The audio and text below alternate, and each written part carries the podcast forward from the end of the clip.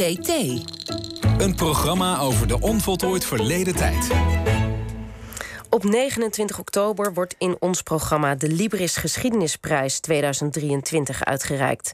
De prijs voor het beste historische boek van het jaar. En vandaag mogen we alvast de shortlist bekendmaken. En bij ons is juryvoorzitter, uh, juryvoorzitter Kathleen Ferrier. Welkom.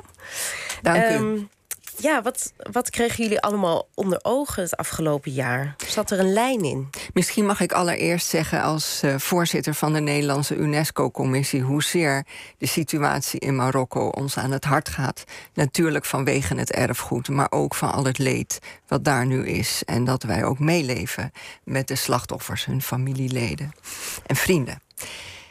Dan naar dat de. begrijp ik, deze, deze opmerking. Ja. ja. Dan naar de um, de shortlist. Um, u moet u voorstellen, het gaat om alle geschiedenisboeken die in één jaar geschreven zijn. Dat waren er 400 dit jaar. We hebben een selectiecommissie. Um, en die hebben dat aantal eerst teruggebracht tot 40 en uiteindelijk tot 10. Eind juli hebben de juryleden deze 10 boeken ontvangen. En we zijn aan het lezen gegaan. En na een intensief juryberaad, mag ik wel zeggen, zijn wij tot de volgende shortlist gekomen. Mag ik ze gewoon gaan noemen? Ja, of willen noem ze maar nog gewoon. wat meer? Nee hoor, we hebben ook geen trommeltje klaarstaan. Nee, nee dat bewaren we voor de 29ste. Precies. In um, willekeurige volgorde. Ik begin, uh, ja, ik begin met Marcel Metsen. Hoogspel. De politieke biografie van Shell. Um, mag ik er iets over zeggen? Of, Heel graag. Ja, ja, Het is een, uh, een, een, een, kritisch en een geëngageerd werk over een bedrijf wat natuurlijk vanuit een bepaalde optiek ook politiek bedrijft. En uh, het is een ambitieus boek over dit bedrijf. En een boek dat, naar mijn idee, iedere politicus zou moeten lezen. Want dan zie je hoe de dingen gaan. Dan um, Leonard Blusset, de Chinese moord. De kolonisatie van Batavia en het bloedbad van 1740.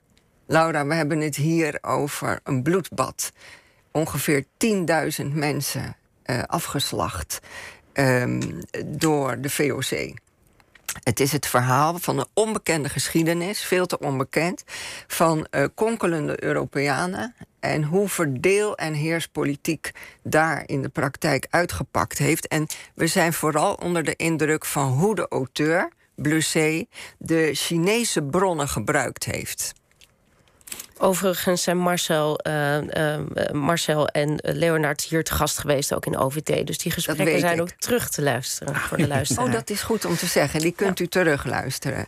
Dan, ehm, nou, dan ga ik naar Martin Bossenbroek. De Zanzibar-driehoek. Een slavernijgeschiedenis van 1860 tot 1900 beschrijft Bossenbroek aan de hand van de self-made diplomaat John Kirk. Um, hoe wat, hoe slavernij in die tijd plaatsvond. Het is een. Uh, een, een Bossenbroek is een meesterlijke verhalenverteller. Er zitten cliffhangers in. Het leest als een avonturenroman. Maar met een enorme gelaagdheid. En je ziet bijvoorbeeld hoe abolitionisten uiteindelijk de wegbereiders waren van het imperialisme. Dan uh, Ivo van der Weideven. De macht van het verleden. Geschiedenis als politiek wapen. Um, het is een boek waarin je laat zien hoe de geschiedenis het heden be bepaalt. En dat vonden wij heel belangrijk. Maar bovendien, hoe uh, machthebbers geschiedenis gebruiken om de bevolking mee te krijgen in wat hun visie is. Um, een actueel boek zeker als je ziet wat er vandaag de dag in Rusland gebeurt. Um, dus hm. heel belangrijk om het heden te duiden en van daaruit ook te kijken. Wat zou de toekomst kunnen zijn? En hoe kunnen we ervoor zorgen dat we daar ook kritisch mee omgaan. Kritisch luisteren naar wat machthebbers ons vertellen. En dan het vijfde boek, Laura. Judith ja, natuurlijk, sorry. ja, die is, het, die is het ja. spannendst. Die is het spannendst. Ik heb het al gezegd. Judith Koelemeijer.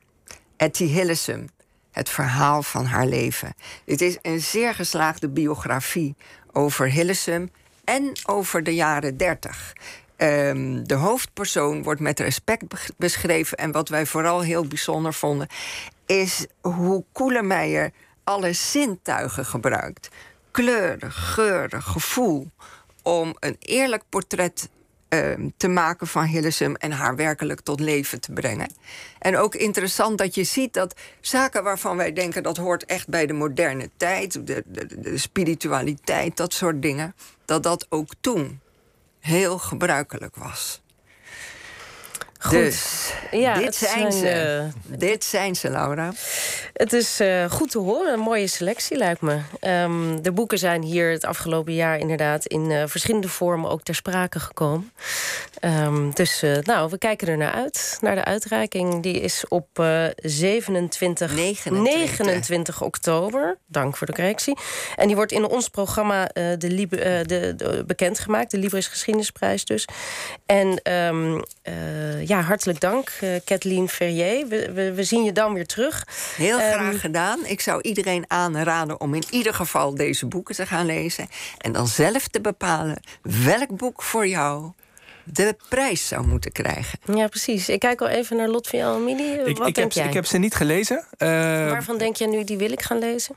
Nou, ik wilde sowieso de Zanzibar-driehoek lezen. Uh, waar mijn collega Bad van der Korte was mij voor toen. Uh, toen hij het besprak in, in, in, dit programma. Maar ik wil ze allemaal wel lezen, zeker. Een fresco Samsin, jij zit hier allemaal, ook aan tafel. Allemaal. Ik zat al te denken, 29e, 29 red ik dat? Maar ik denk dat ik het red. dus uh, nee, klinkt heel interessant. Mag ook daarna nog, hè? Boeken kennen ja, geen tijd. Ja, ja, ja. Maar, maar het is leuk om hebben. voor jezelf ja, te bepalen... Te welke hebben, volgens jou de beste is. En dan te horen welke wij bepaald hebben. Ja, dat is ook leuk. Ja.